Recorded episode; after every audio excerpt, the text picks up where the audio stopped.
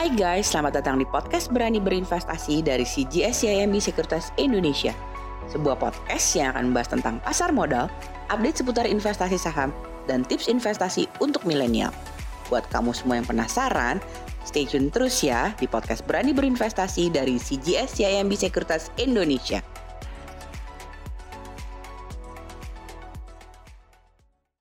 Halo guys, apa kabar? Kembali lagi di podcast Berani Berinvestasi bersama CGSCMB Sekuritas Indonesia. Saya Vanessa Herman, selaku Retail Research Analyst dari CGSCMB Sekuritas Indonesia. Dan kali ini kita akan berbincang-bincang nih dengan PT Excel Aksiata Tbk yang ditemani oleh Mr. Indarsih Daliwal selaku Head of Investor Relation dari PT XL Axiata Tbk. Yuk, kita langsung mulai aja. Hi, Mr. How are you? Hi, I'm good. Uh, staying safe, staying healthy. I hope you are staying safe and healthy too. Uh, I want to ask you several questions, sir. Okay, uh, the first one, what is the effect of work from home and also school from home during this pandemic uh, how big is the increasing of the traffic data of PT XL Axiata Tbk? Yeah, so uh, because of the work from home and school from home, uh, we've actually seen a big increase in uh, data traffic, right? Because uh, mm-hmm. most people are now communicating uh, via digital.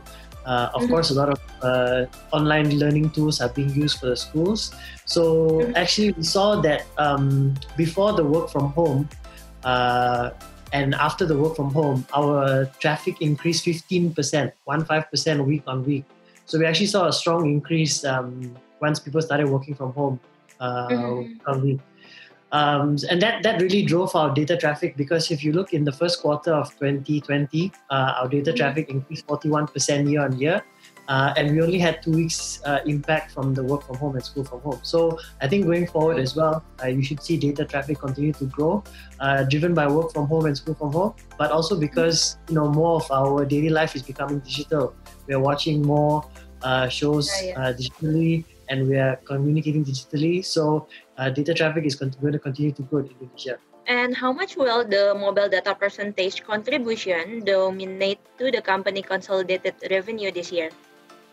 Yeah, so uh, Axiata is one of the leading mobile data internet providers in Indonesia. If you look at uh, 2018, uh, sorry, 2019, we already more than 80% of our uh, service revenue, which is uh, our core revenue. So it's uh, voice, SMS, uh, VAS, and data. Already 80% of our service revenue, more than that, was from data. And if you look at Q1, it's already more than 90% of our service revenues from data. So we are very uh, data-centric company, and obviously, if there's continued growth in data, that will uh, continue to drive our revenue growth going forward. And uh, after Petra Axiata sold its tower yesterday, uh, is there a new focus in developing business? And if there is, could please share the audience uh, the highlights of it? Uh, yeah, uh, so there's no new focus for our business. We're actually focusing on our core business, which is uh, the mobile business. As you can see, you know, we are seeing a lot of strong growth in data traffic.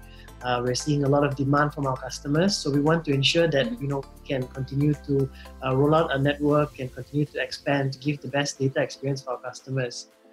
Uh, one of the big growth areas for our company for the last few years has been expanding to ex-Java.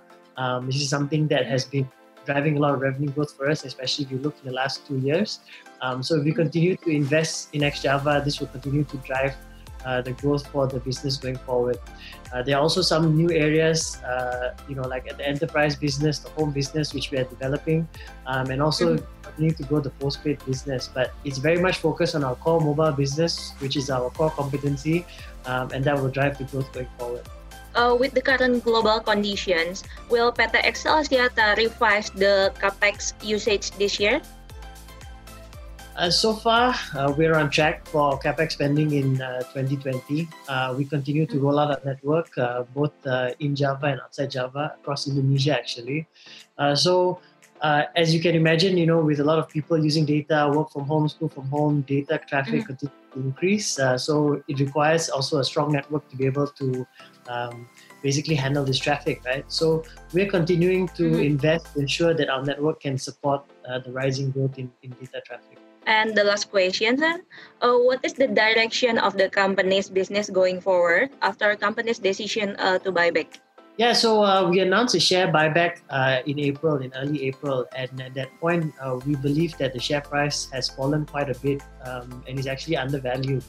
Uh, so we wanted to do the share buyback basically because we wanted to signal to the market that we also think that uh, our share price was undervalued, and uh, we believe that going forward, especially with all the growth we are seeing, um, the share price will continue to uh, reflect the strong fundamentals of our business. So. Uh, I think we did the share buyback at that time. Uh, we've completed the buyback program. Uh, so going forward, I mean, this is obviously something that uh, we will continue to hold onto the shares um, because we believe that you know it, it, doesn't reflect the underlying value of the business. And then uh, going forward, maybe when the share price is a bit more reflective of the underlying business, then we will decide what to do at that point. Terima kasih banyak Mr. Indar atas waktunya. Dan untuk kalian semua nih, sampai jumpa di podcast Berani Berinvestasi selanjutnya ya. Supaya kalian juga makin berani untuk berinvestasi. Karena kalau nggak dimulai dari sekarang, terus kalian mau mulai berinvestasi kapan?